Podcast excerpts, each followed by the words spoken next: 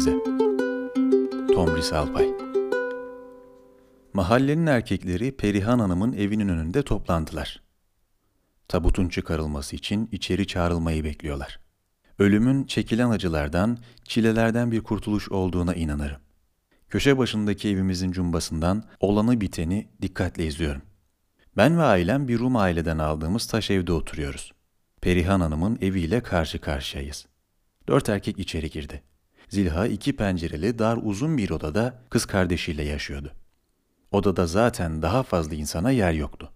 Zilha'nın tabutu kapıdan görününce bekleyenler de omuz verdiler. Pencerelerden uzanan başların, dudaklardan dökülen duaların eşliğinde camiye doğru yürüdüler. Adı Zeliha'ydı. Yaşı küçük olanlar Zilha teyze, yaşıtları ise sadece Zilha derdi. Ufak tefek, tombul, şen şakrak bir kadındı. Yaşına rağmen kırışıksız cildine sanki hiç dert uğramamış gibiydi. En azından dışarıdan göründüğü kadar. Yaşını tahmin etmek zordu. Mahallemize kocasının ölümünden sonra Çankırı'dan geldi. İki lafın başı dilinden düşürmediği odunun meşesi, evin köşesi, kadının Ayşe'si deyimine uygun, köşe başı üç katlı taş bir Rum evi aldı ve yerleşti. Daha taşındığı gün pencereden hoş geldin komşu diye seslendim. Kahveye davet ettim. Böyle başladı Zilha ile komşuluğumuz. Zilha tatlı dilli olduğu kadar eli ve kapısı açıktı. Hepimiz onu çok sevdik. Rahmetli subay kocası İsmail Bey ile küçük yaşta evlendirilmişti. Uzun yıllar çabalamalarına rağmen çocukları olmamıştı. Allah bize bir evlat nasip etmedi. Ne yapalım hacı anne diye bana içini dökerdi. Senelerce İsmail Bey ile görev icabı Bağdat, Halep ve Şam'ı gezdikten sonra eşinin memleketi Çankırı'ya yerleşmişler, Mübeccel adında bir kimsesiz kızı da evlat edinmişlerdi. Bunları bana kadife döşeli ceviz mobilyalar, ipek perdeler, yastıklar, iğne oyası örtülerin süslediği salonunda anlattı. Her haliyle varlıklı olduğuna İkinci Dünya Savaşı'nın ilk yıllarından itibaren şahit olduk. Savaşın getirdiği kaçınılmaz yokluk günlerinde ne yapar eder, bulur buluşturur bizlere ikramda bulunurdu. Evimizde şeker, kahve zaten yoktu da çayı bile kuru üzümle içerken Zilha bize şekerli kahve, çay pişirir, bazen de balla sunardı. Bu kalın taş duvarlı Rum evi kış aylarında tüm evlerden daha sıcak, yaz günlerinde de serin olurdu. Savaşa girmemiştik ama ne olur ne olmaz diye karartma uygulanıyordu.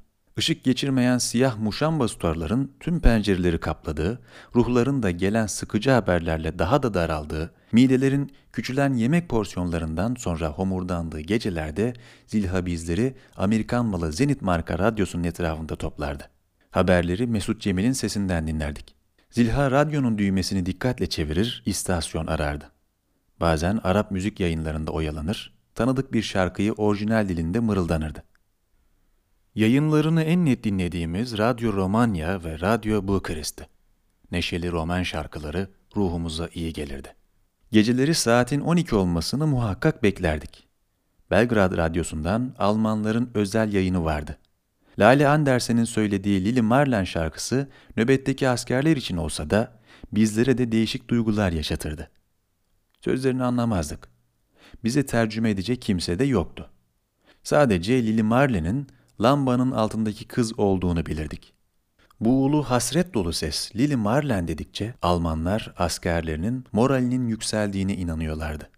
Aslında şarkıyı cephenin her iki tarafındaki askerler de dinliyordu. Sonuçta hepsinin kavuşmak istediği bir sevgilisi vardı.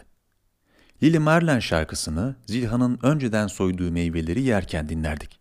Kara borsadan tedarik ettiği çikolatalar, şekerlemeler birkaç saatliğine de olsa savaşı unutturur, ağzımızı tatlandırırdı.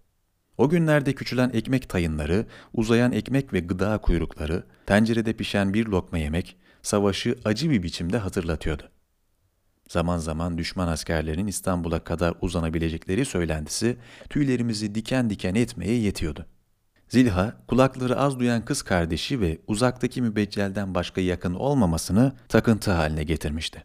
Hayatında hiç sıkıntı çekmemiş bu kadın, savaşın getirdiği gri havaya pek alışamamıştı.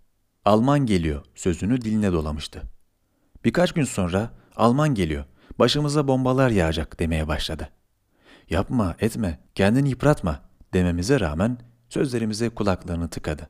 Savaş korkusu İsmail Bey ile Arap ülkelerinde geçirdiği yıllardan ona kalan mirastı. Seneler sonra bu korku bir dip dalgası şeklinde ortaya çıktı. Hatta yıkıcı olmaya başladı. Başına bombaların yağacağı kuruntusunu bir türlü yenemedi. Bir gün özene bezene döşediği, hepimize kucak açan evini aceleyle sattığını öğrendik. Zilha mübeccilin ona bakacağına inanmıştı. Onun yanına Çankırı'ya gitme kararı aldı ve her şeyini toplayıp gitti. Oysa mübeccilin derdi başından aşkındı. Sarhoş bir koca, dört çocuk. Savaş sonunda bitti. Ağır koşullar altında ezilmiş mahalleli kendini toparlamaya çalıştı. Yıllar yılları kovaladı. Çankırı'dan gelenler Zilha'dan, gidenler bizlerden haber götürdü. Zilha'nın sağlığının iyi olmadığı, son olarak astım hastalığının ağırlaştığı haberini aldık. Onu bir süre sonra kardeşi Makbule'nin kolunda kapının önünde görünce hiç şaşırmadım. Hastalığı onu yıpratmıştı. Küçülmüş, pırıl pırıl cildi kırışıklıklarla dolmuştu. Nefes alırken ciğerlerinden gelen hırıltı yürek paralıyordu. Birkaç yıl süren Çankırı macerası hüsranla sonuçlanmıştı. Doğru dürüst tedavi edilmeyen hastalığı ilerlemiş, parasının büyük bir kısmı da mübeccelin sarhoş kocasına gitmişti. Şimdi kulakları duymayan kardeşi Makbule'nin kolunda tanıdığı bu mahalleye sığınmıştı. Ne yaptık ettik, Perihan'ı ikna edip girişteki tek göz odasını boşalttırdık. Zilha ve Makbule'yi yerleştirdik. Tesadüf, Perihan'ın evi Zilha'nın sattığı taş evin tam karşısındaydı. Artık evden dışarı çıkamadığı için komşularla pencereden konuşsun diye yatağını pencerenin önüne koyduk. Günlerini ani bir kararla kimseye danışmadan sattığı, alanın tamir edip güzelleştirdiği eski evine bakarak iç çekerek geçirdi. Doktor Zaven onu sık ziyaret ediyor, siyah çantasından çıkardığı reçetesine yazdığı nefes açıcı ve sakinleştirici kedi otu kökü şuruplarıyla biraz rahatlatıyordu. Ne var ki inadı yüzünden uğradığı zarar ve içine zehir gibi damla damla akan pişmanlık Zilhan'ın durumunu ağırlaştırdı. Gururlu bir kadındı. Bir şey söylemiyordu ama kederden eridiği açık seçik görülüyordu. Sonunda yerinden kıpırdayamaz hale geldi.